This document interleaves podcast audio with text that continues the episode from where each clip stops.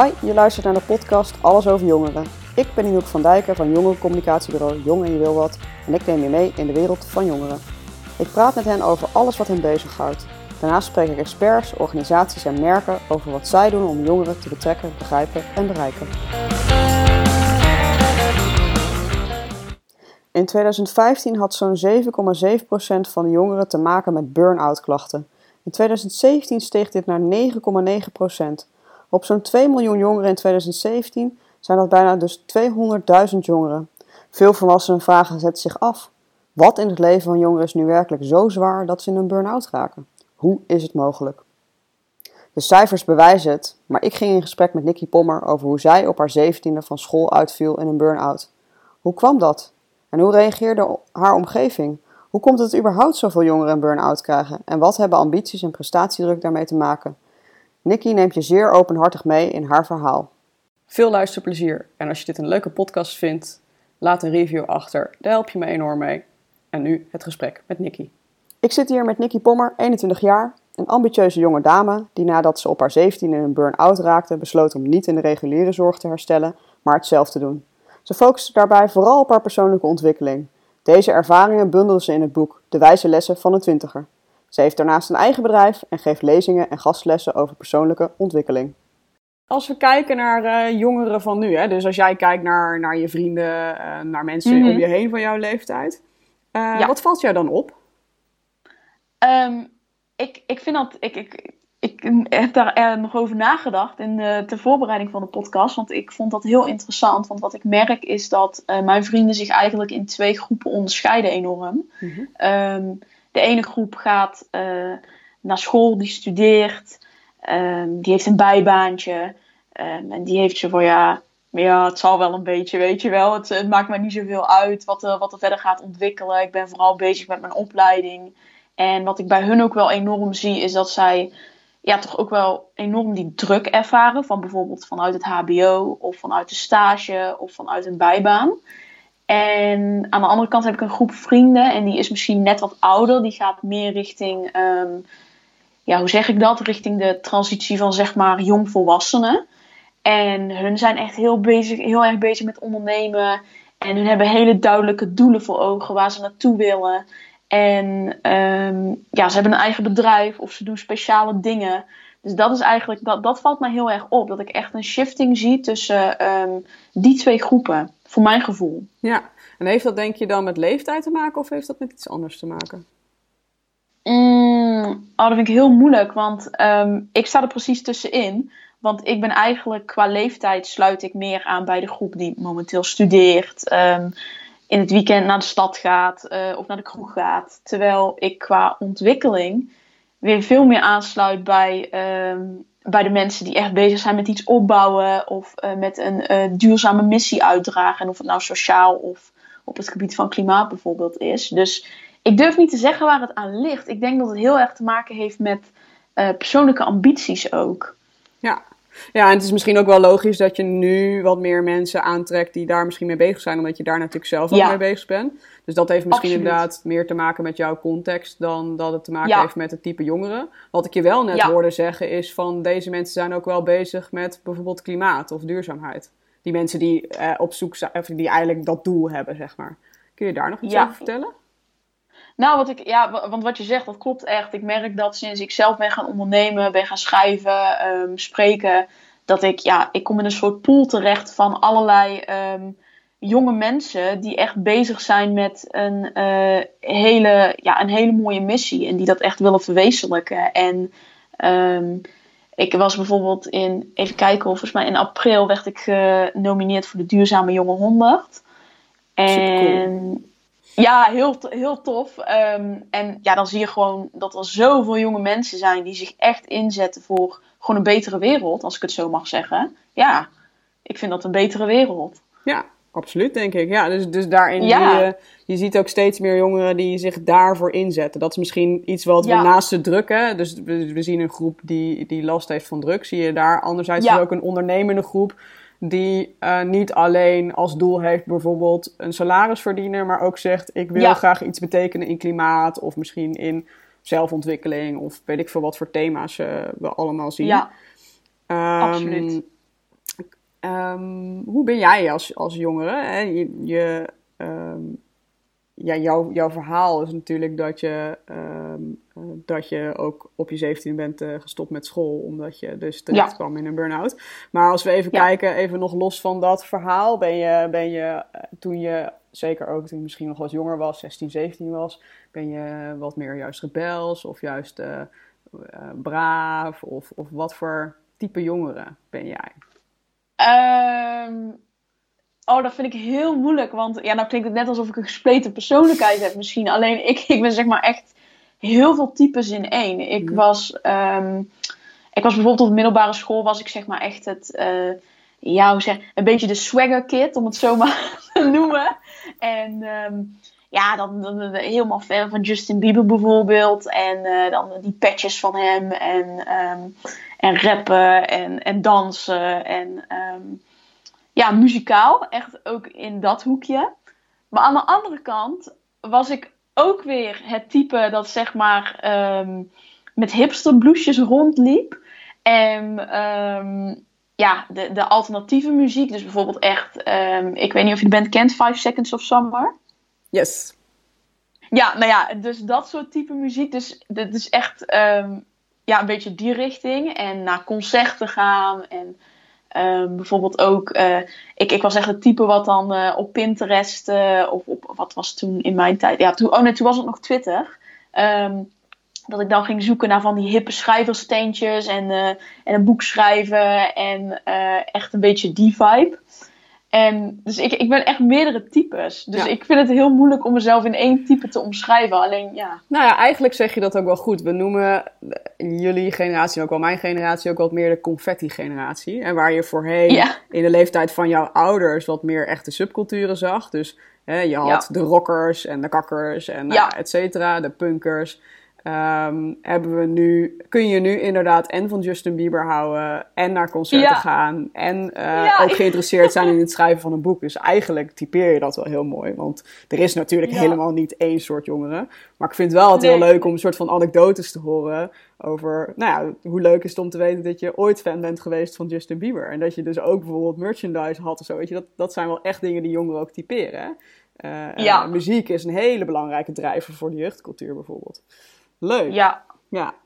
Hey, um, we hadden het daar net al even over, hè, over die ondernemende jongeren. We zien eigenlijk mhm. een, uh, een groeiende groep jonge ondernemers. In 2018 schreven uh, 3.500 jongeren tussen de 13 en 18 jaar zich in bij de KVK.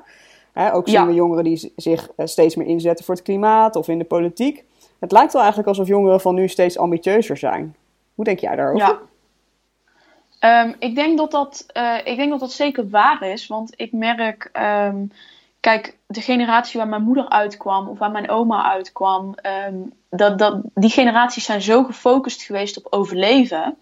En die waren gewoon echt bezig zo van, hé, hey, uh, je, je wordt geboren, je gaat, je gaat werken, je gaat naar school, je gaat werken en uh, je gaat met pensioen en dat is het. En naarmate die generaties groeien, zie ik gewoon zo'n gigantische ontwikkeling dat uh, vooral jonge mensen echt hebben zo van ja, maar hallo, dit, dit, dit klopt toch helemaal niet? Of dit is toch raar? Of um, hier kun je toch iets aan doen? Of dit kun je toch anders invullen? En um, er zijn zoveel ontwikkelingen gaande in de maatschappij. Ook bijvoorbeeld als je kijkt naar de ontwikkeling van uh, vaste contracten naar flexcontracten, um, de hiërarchie op de werkvloer. En ik denk echt dat de generatie waar ik in zit, dat hij gewoon zoiets heeft zo van, ja maar hallo, wat, wat is dit? dit? Dit voelt helemaal niet goed voor mij, ik wil dit helemaal niet doen. En die gaan op een gegeven moment hun eigen ambitieuze plannen de wereld inbrengen. Ook omdat wij niet meer zo, um, hoe zeg ik dat? Ja, wij hebben op dit moment niet dat er een oorlog dreigt of dat, dat, um,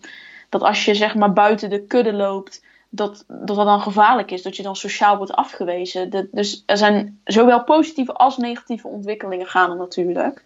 En ik denk dat die ondernemende groep jongeren daar heel erg op uh, anticipeert. Van, um, ja, hoe zeg ik dat? Ja, die, die willen gewoon echt iets bijdragen. Die willen zelf die willen hun ideeën de wereld inbrengen. En die geloven ook zo heilig in hun eigen ideeën dat ze daar iets mee gaan doen. En die hebben misschien ook meer ruimte om bepaalde stappen te zetten. Want de generatie voor ons heeft voor mijn gevoel, dan praat ik echt vanuit mijn eigen ervaring, heeft daar wel een bepaalde ruimte voor ontwikkeld. Dat, ja, dat, dat wij dat nu kunnen doen. En ja, dat zie ik bijvoorbeeld ook. Kijk, mijn moeder die was al zo jong bezig met mij bewust maken op het gebied van mental health eigenlijk. Dat ik daar nu heel open over ben. En ik ben alsnog uitgevallen. Ehm, maar ik ben er wel heel anders uitgekomen. En dat is wel de ruimte die zij voor mij heeft ja, geschept. Ja. ja, ik denk dat zeker dat de ouders van nu ook ruimte geschept hebben voor hun kinderen. En, en natuurlijk dat het internet daar een, een grote rol in gespeeld heeft. Hè. Het opzetten van een bedrijf is nu natuurlijk ook in bepaalde mate makkelijker. Omdat je bijvoorbeeld veel meer toegang hebt tot kennis, maar ook tot netwerk. Ja. Uh, dus ik denk dat je dat wel heel, heel mooi zegt. Maar ik denk inderdaad ook dat deze generatie zich afvraagt van ja, moet je nou eigenlijk een baan hebben in vaste loondienst? Of moet je 9 to 5 werken? Of wat wil ik dan eigenlijk? Uh, wat past nou eigenlijk bij mij? Of dat nou ondernemen of een baan is. Of, en wat voor type baan dan? In wat voor soort vakgebied? Ik denk dat ze daar veel, veel bewuster uh, mee bezig zijn. Um, volgens mij een keerzijde die daarin ehm, in zit in die ambitie is volgens mij ook een bepaalde mate van prestatiedruk. Daar wil ik het straks nog wel even verder wat met je over hebben. Maar ik ben ook wel een beetje benieuwd van, ja, jij raakte op je 17 in een burn-out. Kun je, kun je ons mee terugnemen in wat er toen gebeurde? Um, ja, absoluut. Dat was, dat, dat was voor mij, ja, dat, dat was een hele roerige tijd om het zo maar te zeggen. Ik had ik had mijn examenjaar MAVO gedaan. En um, ik, had, um, ik had kans om cum laude te slagen, want ik, ik kan nog alsnog heel goed leren. Um, en ik, ik, was heel, ik zat toen al vol met ambitie. Alleen, en dat, dat vergeten we vaak, je neemt ook heel veel patronen over. Je wordt echt gevormd door wat je meekrijgt van je ouders. En je wordt gevormd door wat je meekrijgt vanuit de maatschappij. En bij mij ontstond een, ja, gewoon een heel ongezond beeld. Uh, mijn vader was bijvoorbeeld echt, um, ja, die, is, die zit heel erg in dat harde werken. En ik geloof dat je een bepaalde toewijding nodig hebt als je iets wil bereiken. Alleen hij was zo geobsedeerd daardoor dat ook, um, hij heeft ooit ook echt tegen mij gezegd: um, werk gaat voor kinderen. En mijn moeder was precies het tegenovergestelde. Dus bij mij stond heel erg dat, dat beeldje van, oh, ik moet keihard werken. En dat is er zo ingeslopen eigenlijk, dat ik uh, dat in alles door liet werken. En ondertussen, ik, ik had ook helemaal niet, ik, ik wist helemaal niet hoe ik, hoe ik zelfvertrouwen kon opbouwen. Dat ik gewoon goed genoeg ben zoals ik ben. En um, verder daarop bordurend ontstond er dus bij mij ook gewoon eigenlijk een zelfbeeld wat ja, wat gewoon niet duurzaam was. En dat in combinatie met hard werken, met perfectionisme. En dat jaar, dat, dat was ook gewoon dat examenjaar voor mij, dat was gewoon heel pittig. Want um, mijn moeder onderging een aantal operaties. Nou ja, volgens mij is dat duidelijk. Ik heb een hele goede band met mijn moeder, dus dat was emotioneel ook gewoon heel heftig. Um, ondertussen overleed mijn opa, waar ik ook een hele goede band mee had. En ik kwam op dat moment kwam ik er heel erg achter wat de emotionele um, gevolgen waren geweest van het feit dat mijn ouders vroeg gingen scheiden. Uh, dat mijn moeder het eigenlijk alleen heeft moeten doen.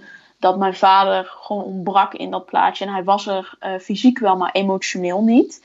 En dat begon ik toen eindelijk pas te merken. Dat begon ik toen eindelijk pas te verwerken. En um, ja, daar kwam ook een stukje financieel tekort bij. Een bepaalde financiële druk die gewoon heel zwaar was. Wat, uh, wat, waar mijn moeder mij voor probeerde te beschermen maar um, die ik toch onbewust wel voel, want dat voel je als kind gewoon. Mm Ondertussen, ja, je, je, bent 16, 17, ja, je krijgt een relatie, is ook allemaal heel interessant.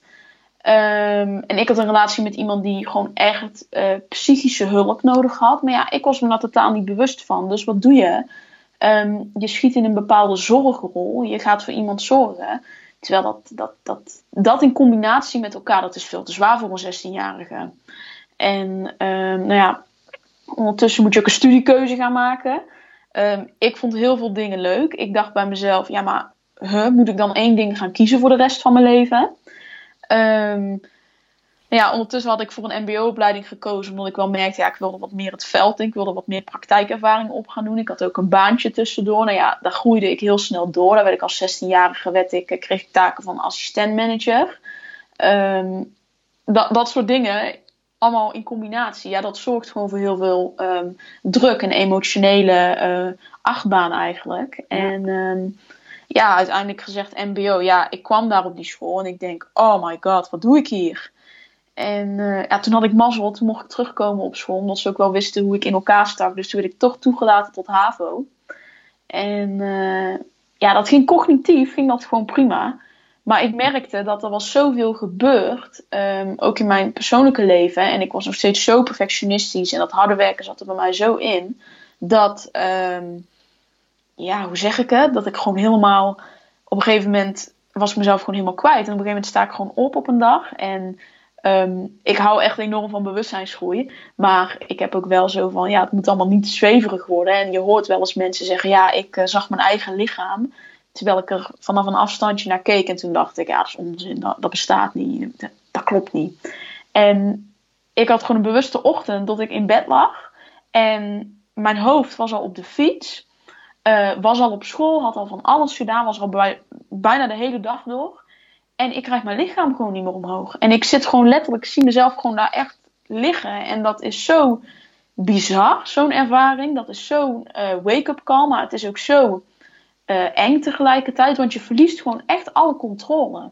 Ja. Wat je, ja, wat je probeert vast te houden, eigenlijk twee jaar lang, wat je probeert te onderdrukken, verlies je ineens. En dat was voor mij echt een eye-opener. Dat ik dacht, nu is het gewoon klaar. Nu moet je, um, je hebt rust nodig. Je hebt echt, um, je hebt gewoon een hele andere levensstijl nodig. En dat kost me heel veel tijd trouwens om dat toe te geven. Maar onbewust, misschien is dat het wel, ben ik toen echt op overlevingsstand gegaan. Zo van, um, ja, hoe zeg ik het? Uh, toen is echt mijn onderbewuste de leiding gaan nemen. Ik kan niet eens bewust meer herinneren hoe het toen is gegaan. Nee, nee, maar alsof ik gewoon, ja, ja, heel bizar. Gewoon ja, alsof het, ja, ja je lichaam nam, of zo. Ja, maar je lichaam nam het ook letterlijk over op dat moment, omdat hij zei: ja. ho, stop, tot hier en niet meer verder. Uh, Absoluut. En, en daarin besefte jij wel van: oké, okay, Um, zo kan het niet langer meer. Nu, nu moet ja. ik wat gaan doen. En dat zal niet van op de een op de andere dag zijn geweest. Want waarschijnlijk zal je in het begin gedacht hebben van ja, oké, okay, maar hoe moet dit dan nu verder? Um, ja. Maar in ieder geval, je lichaam gaf aan dat het niet meer kon. En wat ik, wat ik um, heel heftig aan je verhaal vind, maar ook wel herkenbaar, is dat je. er spelen zoveel dingen mee in het leven van jongeren. Wij vergeten wel eens ja. dat zij natuurlijk nog veel meer dan alleen school hebben of dan alleen een studiekeuze. Maar dat ze inderdaad in relaties krijgen. Maar ook dat er natuurlijk ja. in families van alles gebeurt. Um, uh, die invloed op hebben op jongeren. Ook omdat je ze daar niet meer altijd voor kunt beschermen. Hè? Ik bedoel, je moeder wilde misschien wel voor bepaalde financiële druk jou beschermen. Maar dat, dat gaat niet, want je voelt als jongere gewoon ook dat er iets is. Als kind. Absoluut. Um, dus, dus uh, heel veel mensen vergeten dat, dat er zoveel dingen meespelen in het leven van jongeren. En in, in jouw geval ja, zorgde dat alles ervoor dat je, um, en ik denk zeker hè, de ambitie die je noemde, de, de, het perfectionisme, het, de gedachte van ik moet hard werken, dat hoort bij het leven, ja. zorgde er eigenlijk voor dat je ja, helemaal uitschakelde, zeg maar. Heftig. Ja, absoluut. Als, ja. ja. Heftig, ja. hey, en hoe reageerde je omgeving? Um, nou ja, ik, wat ik al zeg, ja, ik, ik had heel veel uh, aan mijn moeder. Die, um, die, ja, die vond het heel jammer, omdat, uh, omdat zij ook wel mijn, ja, mijn potentie zag. Maar zij zei wel, ja, maar jouw gezondheid is het belangrijkste. En die HAVO kun je altijd nog afmaken. En um, ze, ja, op de een of andere manier, ik, ik weet het niet, want zij heeft na die tijd, als zij zelf daarna terugkijkt, is dat voor haar ook best wel ja, is gewoon heel heftig geweest voor iedereen. Um, en uh, zij heeft wel altijd gezegd van ja, maar jij moet keuzes maken. Je bent um, 17 jaar, uh, je bent bijna 18. Uh, ik vertrouw erop dat jij op dit moment, ook al zit je in deze fase van je leven, dat jij toch kan zeggen wat het beste voor jou is op dit moment. En dat stukje vertrouwen, dat, daar heb ik heel veel aan gehad. Want ik voelde ook echt, ik voelde in alles dat dit het moment was dat ik die keuze moest maken.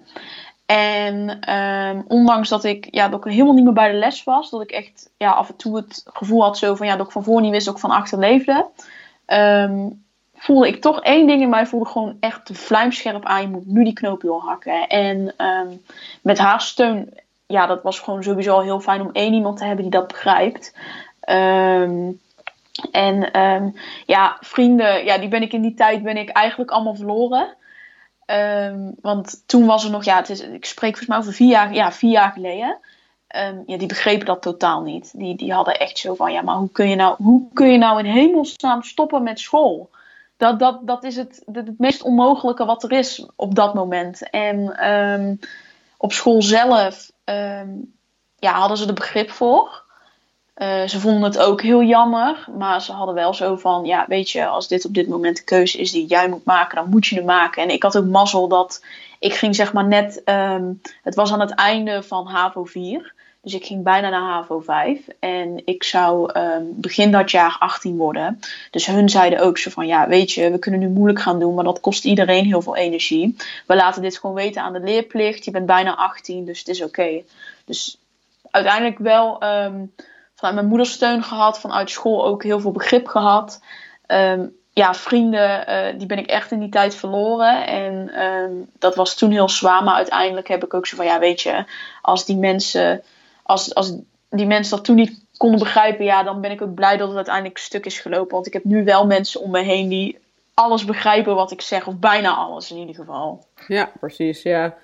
Dus dat is eh, inderdaad, kijk, het is natuurlijk heel heftig in die periode, omdat vrienden zijn in, op die leeftijd natuurlijk ook gewoon een hele belangrijke uh, groep in je leven. En van de andere kant dacht ik ook wel gelijk van, ja, weet je, uh, nu is er natuurlijk, nu staan de krantenartikelen er bol van, uh, jongeren met burn-out. Maar ik kan me wel voorstellen als dat nog niet zo vaak gebeurt en je, en je beste vriendin krijgt een burn-out, dan hoop ik dat ik altijd anders had gereageerd. Maar ik kan me ook wel voorstellen dat, die, dat sommige van mm. jouw vrienden misschien dachten, ja, wat, weet, hoe, hoe moet ik hier in hemelsnaam mee omgaan?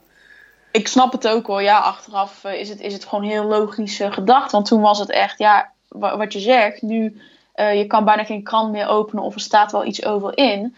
Um, maar toen, ja, was, dachten mensen burn-out, heb je je verbrand of zo. Ja, de, dus de, er was zo weinig um, informatie over. Dus ik begrijp ook heel goed waar de reactie vandaan kwam. En achteraf, ik heb ook zo van, ik neem het niemand kwalijk hoor. Als nee. ik die mensen tegenkom, is het ook gewoon zo van, hoi, ja, hoe is het? Ja, goed met jou. En uh, achteraf is het gewoon goed. Ja, op de middelbare school denk je dat uh, vaak denk je dat de mensen die je dan om je heen hebt, dat je die je hele leven om je heen gaat hebben. En dan is een, een mening van een vriend of vriendin is zoveel waard. Terwijl ik nu heb zo van. Ja, ik ben heel blij met de mensen in mijn leven. Daar ben ik echt dankbaar voor. Maar ik heb ook zo van ja, als er een moment komt dat we niet meer resoneren, is het ook goed. Ja. Dan, is, dan is dat ook prima. Dat is misschien ook wel iets wat je juist ook geleerd hebt uit deze tijd. Ja, absoluut, absoluut. Ja, precies. Ja, hey, en um, hè, we hadden het daar net over. Ik denk dat er ook in een bepaalde mate, gelukkig heb je van je, van je, van je moeder in dit geval en van ouders, uh, van, ik bedoel, vanuit school heb je ook echt best wel begrip gehad. Vanuit vrienden wat meer ja. onbegrip. Um, vanuit wat verdere omgeving, hoe was dat? Was er begrip, was er onbegrip? Misschien ook wel meer vanuit het feit dat er nog niet zoveel over bekend was. Hoe heb je dat ervaren? Um, ja, vanuit verdere omgeving, ja, dat, ja, dan denk ik inderdaad een beetje aan kennissen. en um, ja, ja, de, nee, nee, ook eigenlijk niet. Ja, mensen zeiden er uh, niet per se heel veel over, maar lieten dan wel heel soepel, zeg maar, doorcijpelen. Zo van, ja, ben je gek of zo? Weet je wel, ben je, die, die gaven dan echt een beetje onbewust dat gevoel zo van, want ja, inderdaad, toen was een burn-out, um, ja, daar kwam je niet in terecht en zeker jongeren niet. En jongeren moeten gewoon vooral hun mond dicht houden en niet zo zeuren. Um, dus dat, ja, dat was toen echt, ja, laat ik het zo zeggen, ze zijn nooit direct heel hard geweest, maar heel subtiel. Krijg je dan toch een beetje zo'n, na, ja, zo'n, eh, zo'n nasmaak, weet je wel. Ja, dat mensen toch wel onbewust hun mening daarover door uh, willen zetten. Maar ja, ik dacht toen ook, ik, en dat heeft mij echt heel erg geholpen. Ik dacht, ja, wacht maar, ik kom, ik kom sterker terug. Dus hmm, dat was een soort in, ja, intrinsieke motivatie. En, um, ja. en dat heeft mij heel erg geholpen. Ja, precies. Want wat heb je, hè? ik bedoel, je bent uiteindelijk dus heeft school ook gezegd, nou weet je, wij gaan leerplichten op de hoogte stellen van het feit dat je, dat je niet meer terugkomt, maar dat hè, je ook ja. bijna 18 bent. Um, wat heb je er daarna gedaan? Ik bedoel, je voelde aan heel je lichaam dat je rust nodig had, maar wat, wat, wat voor stappen heb je toen genomen? Uh, twee jaar lang achter mijn eigen staart aangelopen eigenlijk. Um, en niet toegeven dat ik daarin zat. Of nou ja, wel toegeven dat ik daarin zat, maar niet de stappen nemen die nodig waren als in um, ik, heel veel mensen die een burn-out krijgen, die zitten in, een, in het begin in een soort ontkenningsfase. En die zeggen dan, ja, ik heb gewoon wat rust nodig. Maar je lost een burn-out niet op met een paar maanden rust. Je lost dat op door heel je levensstijl om te gooien. En um, ja, ik, ik ben dus heel veel. Uh, ik, ik heb, wat heb ik gezegd? Ja, ik probeerde allerlei. Ik, ik ben gaan ondernemen. Ik heb een uitgeverij gehad, een boek van iemand anders uitgegeven. Ehm, daar heb ik toen ook een prijs voor gewonnen. Dat was leuk. Alleen ik was gewoon hopeloos op zoek naar dingen die mij energie konden geven. Ehm, in plaats van dus naar binnen te, te keren en uh, te gaan ontdekken wat er nou werkelijk dwars zat. Nee, ging ik zoeken naar uh, ja, externe vormen van energie verkrijgen. Want ik dacht dat het hem daarin zat. En um, dus van alles geprobeerd. Um, bijvoorbeeld uh, in de marketing en communicatie wat dingetjes gedaan voor gewoon mensen die ik kende. En um, ondertussen kon ik ja, op een bepaald moment ook weer terugkomen bij mijn oude werkgever. En uh, toen dacht ik, nou, dan heb ik wat vastigheid. En nu ga ik echt eens kijken zo van, hé, hey, wat, wat speelt hier nou eigenlijk? En op een gegeven moment ging mijn ex ook weg. Dus ik kreeg heel veel vrijheid. Uh, aan de andere kant kwam ik ook in een zwart gat terecht, omdat ik ineens niet meer de aandacht aan iemand anders hoefde te geven, maar aan mezelf. En vanaf dat moment zijn ook dingen gaan keren. Want toen ben ik me echt um, gaan verdiepen in persoonlijke ontwikkeling, boeken gaan lezen, aantal cursussen gevolgd. Um, en begeleiding gezocht van een mentor, van echt een persoonlijk mentor. En um, ja, toen, toen is het heel snel gegaan. Toen was het binnen een jaar tijd dat ja, binnen een jaar tijd, wel zeg ik misschien wel binnen een half jaar tijd, dat ik daar echt uitklom. Mm En uh, dat ik ben gaan schrijven. Dus dat is eigenlijk wat er in die tussenperiode is gebeurd. Ja. Heeft het ook nog wel met te maken dat je, dat je misschien ook wel het gevoel had van ik kan nu niet terugzakken of ik kan nu niet rustiger aandoen of op zoek gaan naar wat ik kan veranderen? Ja, ook, want um, je hebt uiteindelijk, um, ja, er was zo weinig begrip ook dat ik ook dat gewoon echt niet durfde. Want kijk, nu, als ik nu bijvoorbeeld, stel ik spreek nu met vrienden af en ik zeg een uur van tevoren toch af, omdat ik gewoon, uh, ja, omdat ik er gewoon geen zin in heb. Omdat ik even een momentje voor mezelf nodig heb. Dan heb ik nu vrienden die zeggen, oh wat goed dat je aan jezelf denkt. Um, een paar jaar geleden, als je zei, ja, ik, uh, ik heb rust nodig, of ik, um, uh, of ik doe heel even niks op het gebied van werk of um, ambities, dan dat, toen was het, ja, hallo, maar je, je werkt toch altijd door. Je kan toch niet, niet werken? Dat kan toch niet? Het is of naar school gaan of werken. En uh, dat vond ik heel moeilijk. En ja, daarom ben ik ook achteraf wel blij dat ik dan wel bij mijn baan in loondienst zeg maar, terug kon komen. Want ja, je hebt ook gewoon de kosten die je moet betalen. Um, maar dat verlaagde voor mij wel de drempel om de rest van mijn tijd echt in mijn persoonlijke ontwikkeling te steken. Ja, precies. Want dat is misschien ook wel gewoon de druk die heel veel jongeren ervaren. Hè? Van Mhm. Ja, ik, ik bedoel, ik moet ook gewoon een bijbaantje hebben en ik moet ook gaan studeren of ik, ik moet Ja. eh, een onderneming hebben of ik moet in ieder geval mezelf Ja. blijven ontwikkelen. Ik moet mijn vrienden zien, ik moet sporten, ik moet mijn social media account bijhouden. Ehm, Ja, heel veel misschien ook wel het, het gevoel hebben dat het moet. Dus dat die druk misschien niet alleen ligt in dat je op een bepaald niveau moet presenteren. Presenteren, voor mij, presteren. Eh, maar dat je ehm, eh, ook gewoon een aantal dingen moet doen. Omdat ze, ja, klopt. ja, omdat ze zo horen. Is dat misschien? Ja, klopt. Om- omdat, omdat we het gewoon aanleren dat dat, dat het is. Dat, ehm, dat je een rijk sociaal leven moet onderhouden. Of, of dat je een baantje moet hebben. En als je kijkt is dat gewoon echt best wel bizar. Want ik, ik pak wel even mijn gemiddelde eh, schema. Ik denk dat ik 32 uur naar school ging ongeveer. Nou ja, neem dan een baantje van 12 uur per week. Dan zit je al op 44 uur per week dat je bezig bent. Als je de gemiddelde fulltime werkweek pakt, zit je op 40. Ja. En ik denk dat wij dat zo als maatschappij onderschatten, wat, wat dat doet. En dan wil je ook nog tijd hebben voor jezelf. Je wil nog even kunnen Netflixen. Je wil nog even, ehm, inderdaad, even scrollen door Instagram. Je wil eh, misschien een boek lezen. Eh, dan heb je ook nog hobby's. Eh, sportieve hobby's of creatieve hobby's. Nou, misschien gaat daar wel vijf uur per week in zitten. Ehm, nou, dan zit je al op 49 uur. En dan nog met vrienden. Nou, pak even gemiddeld dan 8 uur. Afspreken en nog uitgaan. Nou, dan, dan zit je op eh, 57 uur per week. En dat is wat je allemaal moet doen. En dan moet je bezig blijven. En dat is eigenlijk gewoon zo absurd. Ja. De, maar ja, we leren het aan. En we leren dat het zo moet. En ehm, da- ik denk dat dat heel veel jongeren, dat die nu hebben zo van... Ja, maar ik wil helemaal niet dat het zo moet. Ja, ik beslis zelf wel hoe ik mijn leven in wil vullen. Ja, maar ik denk wel dat veel jongeren voordat ze op dat punt zijn, allemaal worstelen met, met Ja. de verwachtingen die er enerzijds liggen vanuit, nou ja, hoe dat dan ook gekomen is, hè, of je gezin, of je maatschappij, of je vrienden, of wie er dan ook een rol in spelen. Dat dan wel veel jongeren eerst een beetje afscheid moeten nemen van dat idee voordat ze op het punt komen dat ze zeggen van ja, maar hoe wil ik het dan wel? Ja, absoluut. Ik denk dat, ehm, ja, wat, ik ben misschien een extreme geval. Alleen ik moest eerst uh, helemaal uh, opgebrand raken uh, voordat ik ineens dacht zo van, hé, hey, misschien hoef ik mijn leven helemaal niet zo te leven. Misschien is dit gewoon wat ik heb overgenomen van hoe ik denk dat het moet zijn.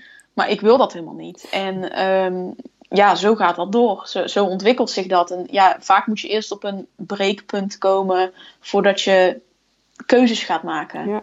ja, ik denk wel dat je inmiddels niet meer de uitzondering bent, omdat we natuurlijk gewoon de cijfers uh, enorm zijn. Ik geloof dat ik las over 2018, volgens mij waren mm. er 100.000 jongeren onder de 35. Dat is dan natuurlijk wel relatief oud, 35, maar oké, laten we even vanuit gaan dat dat jonge mensen zijn. Er waren er 100.000 jongeren met een geregistreerde burn-out. Dus dan hebben we het nog niet over de mensen die misschien niet bij een huisarts zijn geweest of uh, um, oh bij een andere hulpverlener.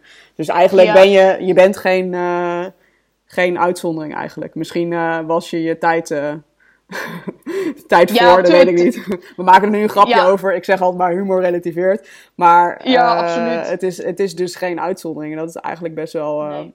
wel, wel, wel bizar. Um, je noemde het net aan het begin van het gesprek ook al een beetje. Hè, van dat, je, dat je ziet dat, de, dat je vrienden die uh, een studie volgen of die nog naar school gaan, dat ze ook wel het gevoel hebben dat ze ja, goede cijfers moeten halen. Of dat ze überhaupt een opleiding moeten doen voor een goede toekomst. Ja. Um, um, dat wordt dus ook wel prestatiedruk genoemd. Ervaarde jij voordat je je burn-out kreeg eigenlijk ook een bepaalde mate van prestatiedruk? Mm, ja, absoluut. Want.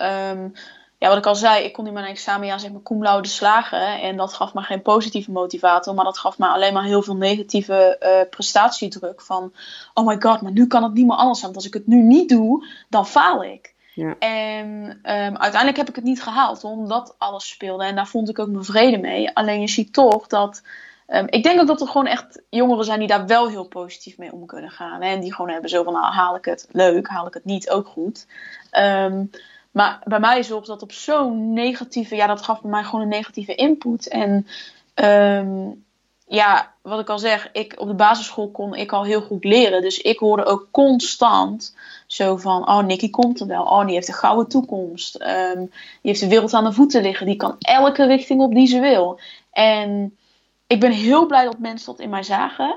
Alleen, ik was ook zo gevoelig. En ondertussen alles wat er speelde, daar was geen aandacht voor. Dus ik had totaal geen goede balans daarin. Kijk, had ik nou ehm, dat allemaal niet gehad, dan had ik een heel gezond, uh, gezonde manier van um, werken en gewoon in mezelf geloven. Dan was dat blijkbaar heel anders gegaan. En dan had ik dat misschien als een positieve motivator gezien. Maar nu sloeg het voor mij echt gigantisch om in prestatiedruk. Ja, het was nu meer een strop in plaats van een, een streven of, een, of een soort van ja. iets waar je naartoe kon reiken, zeg maar. Ja. Precies dat. Ja, precies. Wat ik, wat ik wel uh, schrijnend vind wat je zegt, hè, er was eigenlijk geen aandacht voor mijn andere uh, dingen waar ik mee, mee zat, zeg maar. Um, Als je daarop terugkijkt, uh, denk je dat iemand het bijvoorbeeld op school, hè, een mentor of een docent of, of wie dan ook, denk je dat iemand het gezien heeft, dat je, dat je het moeilijk had? Ja, ja, absoluut. En hebben ze er ook iets mee gedaan? Hebben ze toen wel contact met je gezocht? Ehm, ja en nee, want ik had op een gegeven moment echt een periode en dat, dat, dat is echt een van mijn, ja, ik wil niet heel dramatisch klinken, maar dat is echt een hele uh, donkere periode. Want ik heb echt gewoon een periode gekend dat ik zo gestrest was dat ik gewoon echt mijn huid openkrakte um, als ik sliep. Dat, dat ik gewoon zoveel stress voelde. En dat ging onbewust, hè. Dat, dan, dan lag ik gewoon te slapen en dan werd ik gewoon wakker. En dan had ik, ik, ik heb hem nu nog, dat je het zeg maar op mijn hand nog ziet. Um, en dat was gewoon zo heftig. En um, dat is op school werd dat ook wel gezien. Op een gegeven moment um, is er ook een leraar naar mij toe gekomen. Ja, ik maak me hier zorgen om, want nu doe je het onbewust. Maar de rek slaat het echt om naar gewoon um, ja, dat je het bewust gaat doen. En dat, dat gelukkig niet, want het was gewoon stress.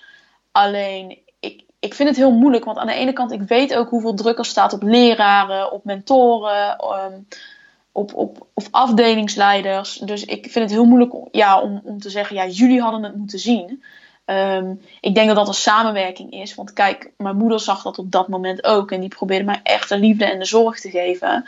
Alleen ja, zij ging ook door een heftige periode heen. Dus dan, dan, dan wordt het al zo moeilijk. Dus ik wil niet, ehm, ik wil niet zeggen zo van... Uh, ja, ze hadden het op school beter moeten zien. want ik geloof Nee, maar dat is denk ik ook, weet je, volgens mij is het nooit nut om te wijzen naar de schuld. Maar waarom ik het wel vaak, waarom ik het wel vraag, is omdat ik, uh, ik vind ook zeg maar dat we in het onderwijs, dat docenten meer ruimte moeten krijgen uh, om dus wel ook meer zorg voor hun leerlingen kunnen, te kunnen laten zien. Dus het systeem is nu zo dat ik echt vind dat docenten overspoeld worden. En daarom vind ik ook niet dat we kunnen zeggen van, oh ja, docenten hadden een rol moeten spelen in het feit dat ze zagen dat het niet goed met jou ging.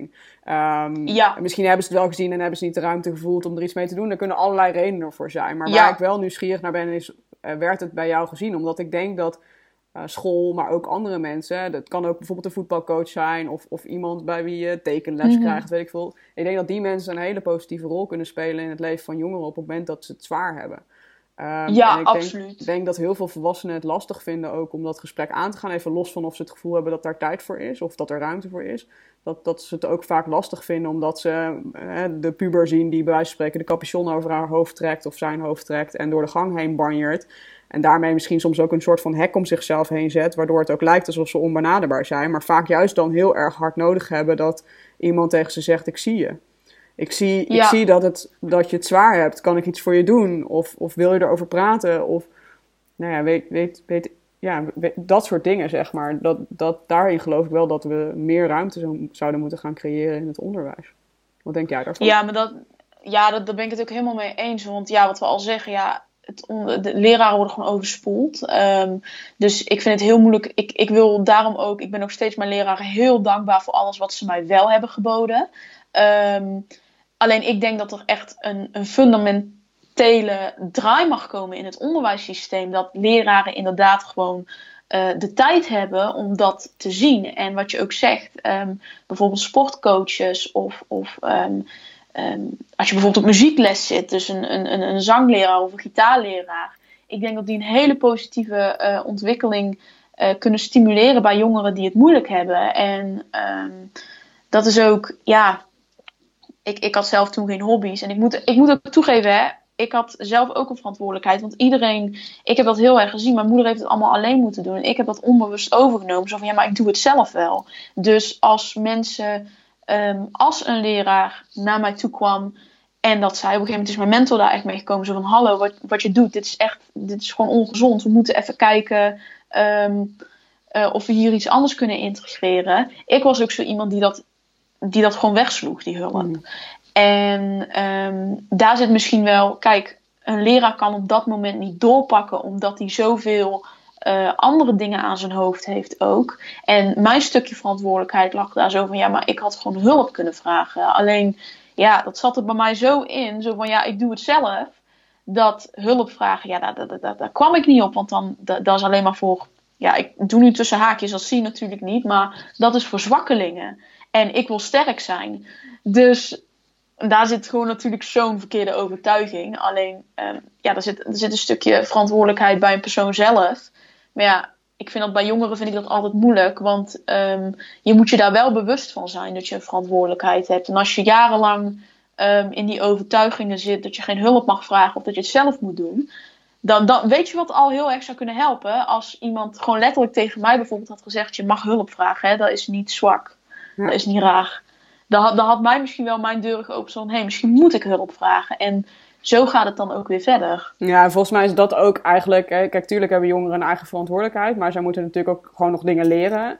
Dus als in jouw geval heb jij geleerd dat, uh, dat, dat je het alleen moet doen, hè? of dat je, dat, dat, dat je moet vechten voor jezelf. Maar er zijn misschien ook jongeren die juist ouders hebben gehad die heel veel problemen voor hen weggeveegd hebben, waardoor ze misschien niet altijd zien dat ze ook zelf daar iets in moeten of kunnen doen. Zo, zijn, zo heeft ieder zijn eigen systeem. En het zou wel mooi zijn als er in het onderwijs zoveel ruimte is dat ze inderdaad um, misschien kunnen zeggen van... hé, hey, ik zie je en um, je mag nu hulp vragen of ik, ik ben er nu voor je. Dus neem, neem de ruimte om te kijken wat we samen kunnen doen.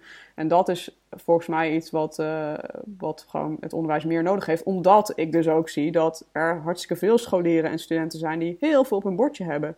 Dat het niet alleen Ja. gaat over het halen van achten. eh, of überhaupt Mhm. het halen van je studie, maar dat er mantelzorgen is of dat er eh, Ja, scheidingen, eh, moeilijke relaties, van alles. En, en Ja. het leven is daarin denk ik ook gewoon wat complexer geworden dan eh, in de tijd van, van onze ouders. En niet dat ik wil zeggen Ja. dat die het eh, makkelijk hebben gehad, absoluut niet. Maar eh, er zijn ook wel een aantal zaken bijgekomen. Ja, ja, absoluut. mooi, mooi dat er in ieder geval wel ook echt een aantal mensen zijn geweest die wel ehm, het Mm. gezien hebben en Mm. ook dus wel een hand naar je uitgestoken hebben. Ongeacht of jij die op dat moment kon pakken en of dat misschien de ideale manier is geweest. Dat, dat gaat, Ja. Daar gaat het natuurlijk ook even niet om. Dat is ook niet belangrijk, want het heeft helemaal geen nut om in zo'n periode te kijken van wie is... Wie heeft er Nee, schuld nee. of niet gehad? Volgens mij is dat nooit nuttig. Dus. Maar je kunt wel ontzettend Nee. goed beschrijven hoe het voor je is geweest en wat er in die periode gebeurde. Dat is wel heel, heel knap. Want je hebt die lessen die je uiteindelijk geleerd hebt, ook, eh, ook vanuit je burn-out onder andere, gebundeld in een boek. Ja. De wijze lessen van een twintiger. Kun je daar wat meer over vertellen? Ja, ja dat, dat, dat, dat, dat is gewoon super tof. Want ik, ik, ehm, ik schreef dus, toen ik 16 was, schreef ik op een, eh, op een online platform. En ik schreef daar best wel veel. En ik kreeg ook echt, ik schreef fanfictie. Dus dan schrijf je een verhaal over een artiest of over een acteur. Of met die in de hoofdpersoon. En dat was toen heel populair. En ondertussen merkte ik dat, ehm, dat mijn verhalen echt, die werden zo goed gelezen. Echt gewoon honderdduizenden lezers. En eh, toen dacht ik, hmm, misschien kan ik toch wel schrijven. En vanuit dat punt ben ik, ja, ben ik dus meer gaan schrijven. En ik droomde altijd al van dat ik ooit een boek uit wilde brengen. En ehm, ja, ja, hoe hoe ja, anderhalf jaar geleden inmiddels dacht ik zo van. Ik, ik stond te douchen, dat, daar, ik krijg ook op de meest rare plekken inspiratie. En toen dacht ik, ik moet gewoon een boek gaan schrijven over heel dit proces. En over heel het proces dat je echt van iemand gaat die gewoon opgebrand is en die, ehm, ja, die gewoon in een uitzichtloze situatie zit. Van iemand die gewoon vol vuur weer in het leven staat. En ehm, die geleerd heeft om eh, op een gezonde manier ehm, eh, je grenzen aan te geven zonder je schuldig te voelen. En die de betekenis van geluk steeds beter leert achterhalen. En ehm, die, die weet hoe je op een gezonde manier met emoties omgaat. En hoe belangrijk het is om jezelf te waarderen. En een gezond beeld van eh, zelfreflectie op te bouwen. En toen dacht ik, ja, maar dat boek kan ik nog niet schrijven, want daar ben ik nog niet oud genoeg voor. toen dacht ik zo van, ja, maar dat kan wel, want ik koppel er gewoon een, een, een toffe naam aan waarvan ik denk, hé, hey, die naam die trekt wel aandacht. En ik ga gewoon schrijven.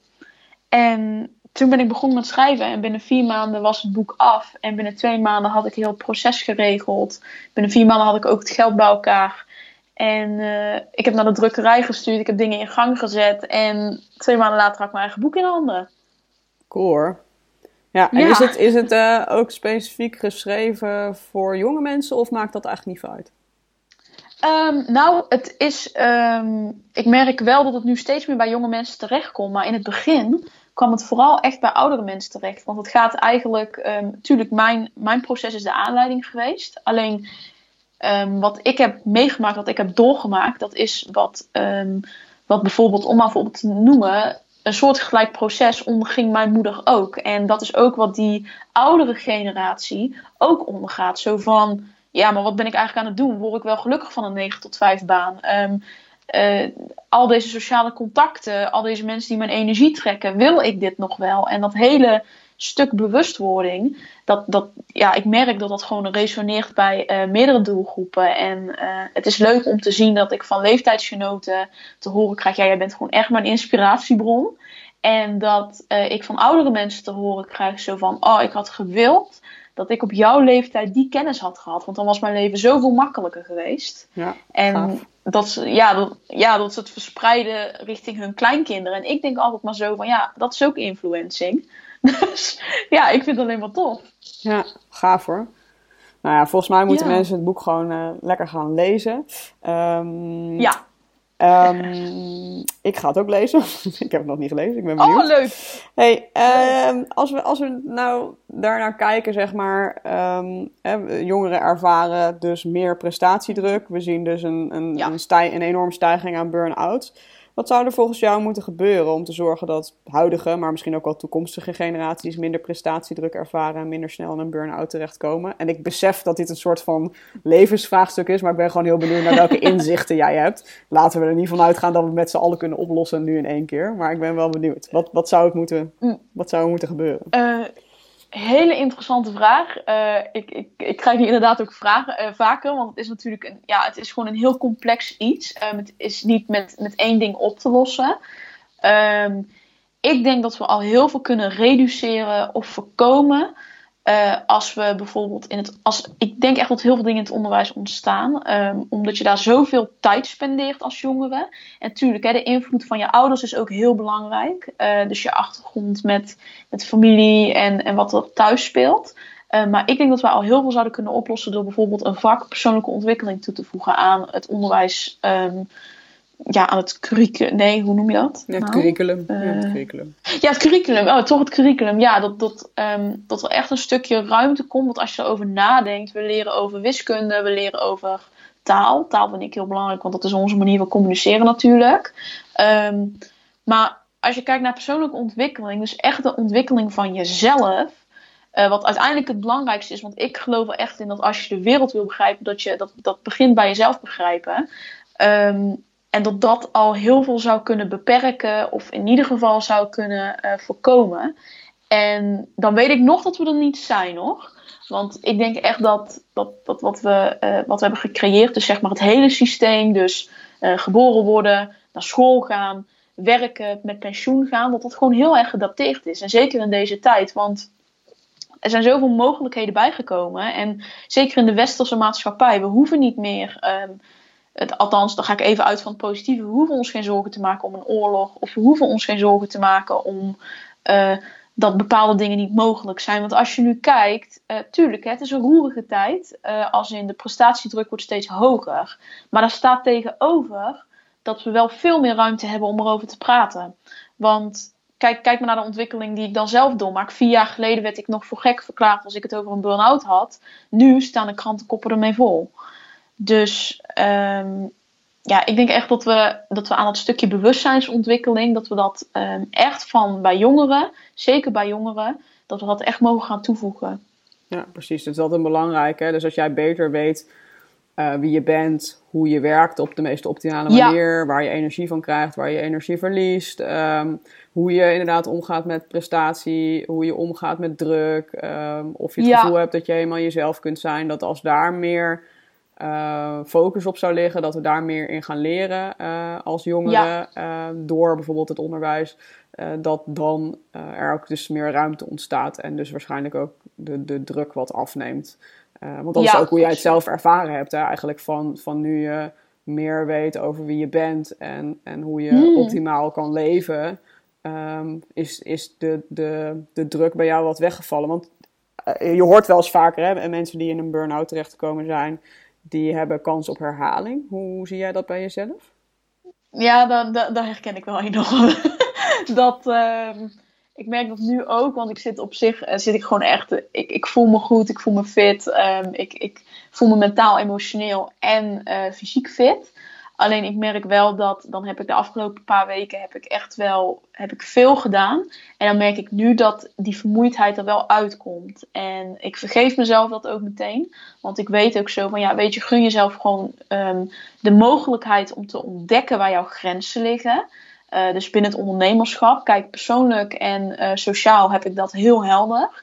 Maar echt binnen het ondernemerschap en binnen het nastreven van mijn ambities, um, is dat nog wel eens een puntje waarop ik af en toe, ja, wat ik zeg, dan ben ik de hele week bezig geweest. En in het weekend ben ik gewoon echt, ben ik gewoon een zak aardappels, bij wijze spreken. Dan ben ik gewoon niet vooruit te branden, zeg maar, als in, oké, nu is het even genoeg. En ik leer dat steeds meer.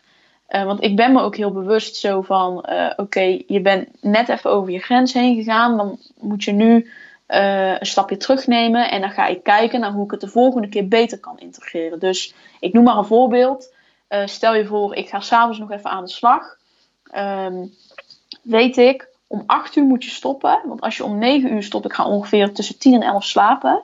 Dan heb ik niet meer genoeg tijd om te acclimatiseren voordat ik naar bed ga, zeg maar. Ja. En dan ga ik met een vol hoofd naar bed. Dus nu is dat voor mij, oké, okay, oké, je stopt om acht, acht uur is echt de grens. En zo leer ik wel. En ik denk dat dat, ehm, ja, wat ik al zeg, die persoonlijke ontwikkeling heeft me daar heel erg bij, mij, ja, mij bij geholpen.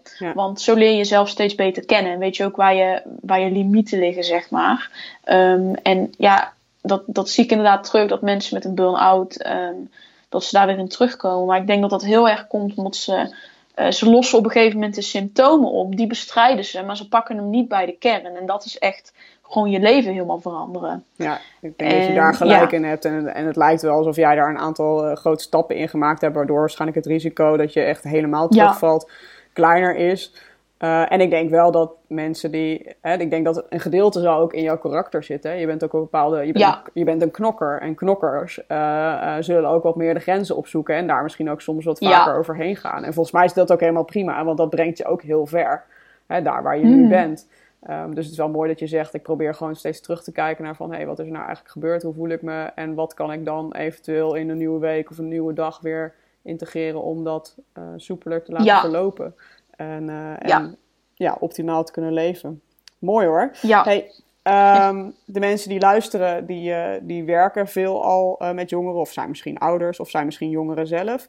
Um, mm -hmm. Als je drie tips mag geven aan luisteraars over ja, hoe je jongeren kunt helpen bij het voorkomen van een burn-out of het ervaren van prestatiedruk, en daarmee om kan gaan. Welke tips zou je hem willen meegeven?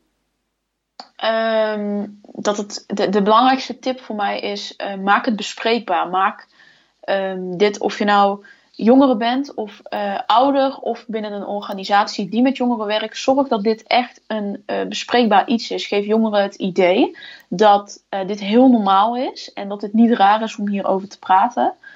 Um, want dat, dat is de eerste stap naar bewustwording en naar, uh, naar voorkomen.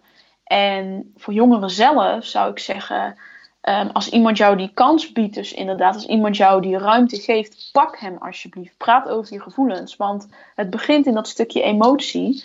Uh, ik heb heel lang mijn emoties onderdrukt en dat gecombineerd met um, prestatiedruk en alles wat erbij kwam kijken, zorgde er gewoon voor dat ik opgebrand was. En uh, ik ben heel open over wat, uh, wat, ja, wat er door mij heen gaat. En dat helpt mij ook constant om mezelf te ontwikkelen. Dus dat zou ik tegen jongeren zeggen.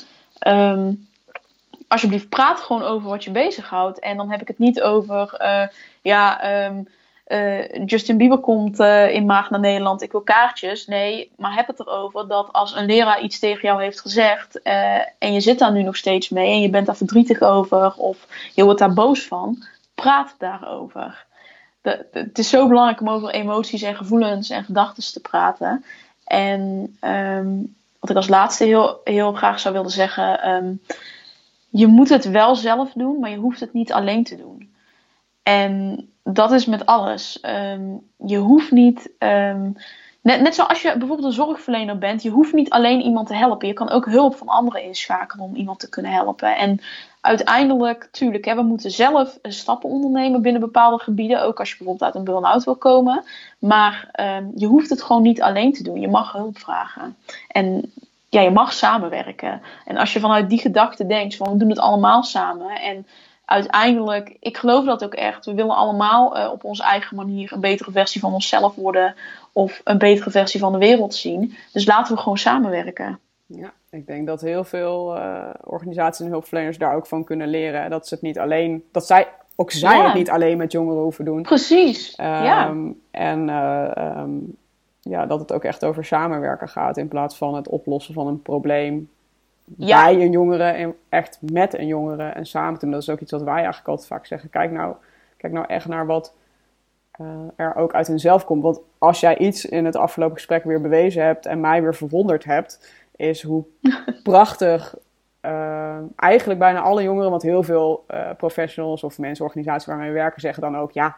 Dat zijn toch de hoogopgeleide jongeren of de bewuste jongeren die zo kunnen praten. Maar heel eerlijk gezegd, ik merk het bij alle jongeren als er maar ja. ruimte ontstaat om te kunnen praten over hoe je iets ervaart, kan je, kunnen jullie zo ontzettend goed verwoorden wat er in ja. omgaat. En ja, daar heb je soms uh, tijd voor nodig, uh, ruimte, aandacht. Want dat hoorde ik jou ook zeggen, hè? vertrouwen. vertrouwen en Mhm, aandacht. mhm. Hè. Ik denk het mooiste geschenk wat je moeder inderdaad heeft kunnen geven is zeggen van ik vertrouw erop dat jij op dit moment de juiste beslissing voor jezelf kan geven. Hè, kan Ja. nemen, zeg maar. Ik denk dat dat, dat dat heel mooi is. En dat dat ook, wat mij betreft, ook een tip zou mogen zijn. Is van geef, geef vooral vertrouwen aan jongeren dat zij heel veel in zich hebben. En ehm, eh, dat je het er inderdaad samen gaat uithalen op een manier waarop iedereen zich geholpen voelt. Dat, dat is wel heel gaaf. Hey. Ja, dat is heel mooi. Ja. Ja. Heb je, heb je nog een ander onderwerp waarvan je zegt, nou daar hebben, we, daar hebben we het eigenlijk nog niet over gehad, daar zou ik nog wel graag over willen hebben.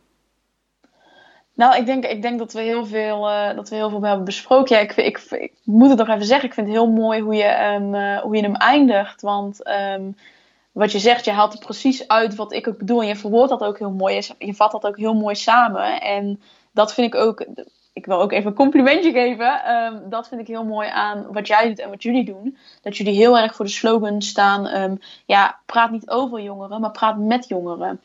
Ehm, want wat je zegt jongeren weten echt heel veel. En ik zie dat terug in bijvoorbeeld als ik een gastles heb en op een gegeven moment ontstaat er een veilige omgeving waarin jongeren voelen dat ze iets kunnen delen. Ik had bijvoorbeeld ooit een gastles met, met een groep en ehm, het was een jongen van 15 en hij, ehm, hij, was, eh, ja, hij, hij zat in een voetbalopleiding, echt bij een professionele profclub. En op een gegeven moment ontstaat er voor hem zo'n veilige omgeving dat hij gewoon vertelt dat hij depressief is. En eh, als, hij, als hij geen wedstrijden kan spelen of als hij het gevoel heeft dat hij het niet goed doet. En je ziet dan dat jongeren zoveel inzichten hebben en dat ze eigenlijk ook echt hun eigen antwoorden geven. En dat in combinatie met dat stukje vertrouwen, ehm, weten ze de antwoorden. En ik denk dat dat heel mooi is inderdaad, dat we echt mogen gaan samenwerken zo van hoe halen we die antwoorden uit jongeren zelf. Ja, en hoe kunnen we de, de oplossingen die zij zelf aandragen versterken Ja. met de kennis die wij als volwassenen misschien eh, al gewoon wel opgebouwd hebben. eh, en dat je daarmee Ja. dus die samenwerking werkstelligt. Nou, ik vind dat wel een heel, eh, heel mooi einde zo. Ehm, als, als mensen jou willen vinden, bereiken, iets met je willen doen, waar kunnen ze je dan vinden? Ehm, gewoon sowieso via mijn website www.nikkipommer.nl. Ehm, en daarnaast ja, op Instagram, op LinkedIn, op Facebook. Ik ben gewoon echt heel simpel. Ik ben overal onder Nicky Pommer te vinden. Dus Nou, dat is heel makkelijk. Ik zal wat linkjes eh, in de beschrijving zetten. Eh Nicky, ik wil je enorm bedanken, bedanken voor je tijd en vooral ook voor je openheid en eh, al je wijze lessen. Ehm dankjewel. Jij, dank je, ja, jij dankjewel voor de uitnodiging.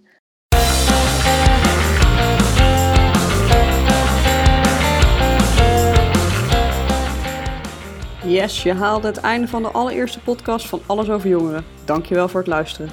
Ik hoop dat Nicky je inzicht heeft gegeven over waarom jongeren prestatiedruk ervaren en waarom ze in een burn-out kunnen belanden. En als je luistert als professional, dan hoop ik dat je met haar handvatten een hand kunt uitsteken naar jongeren om te laten weten dat ze hulp mogen vragen. Of wie weet heb je zelf een burn-out en heeft Nicky's verhaal je gesteund of geïnspireerd. Wat het ook is, laat het me weten via een berichtje op LinkedIn of Instagram. Je kunt me vinden via mijn naam, Ninook van Dijken, of via Jongen Je Wil Wat. Ik hoop de aankomende periode steeds meer te leren over podcasting en mezelf te verbeteren. Dus heb je tops en tips, let me know. Oh, en eh, als je deze podcast leuk vond, laat een review achter of deel met je netwerk en tag me. Dankjewel en tot de volgende keer.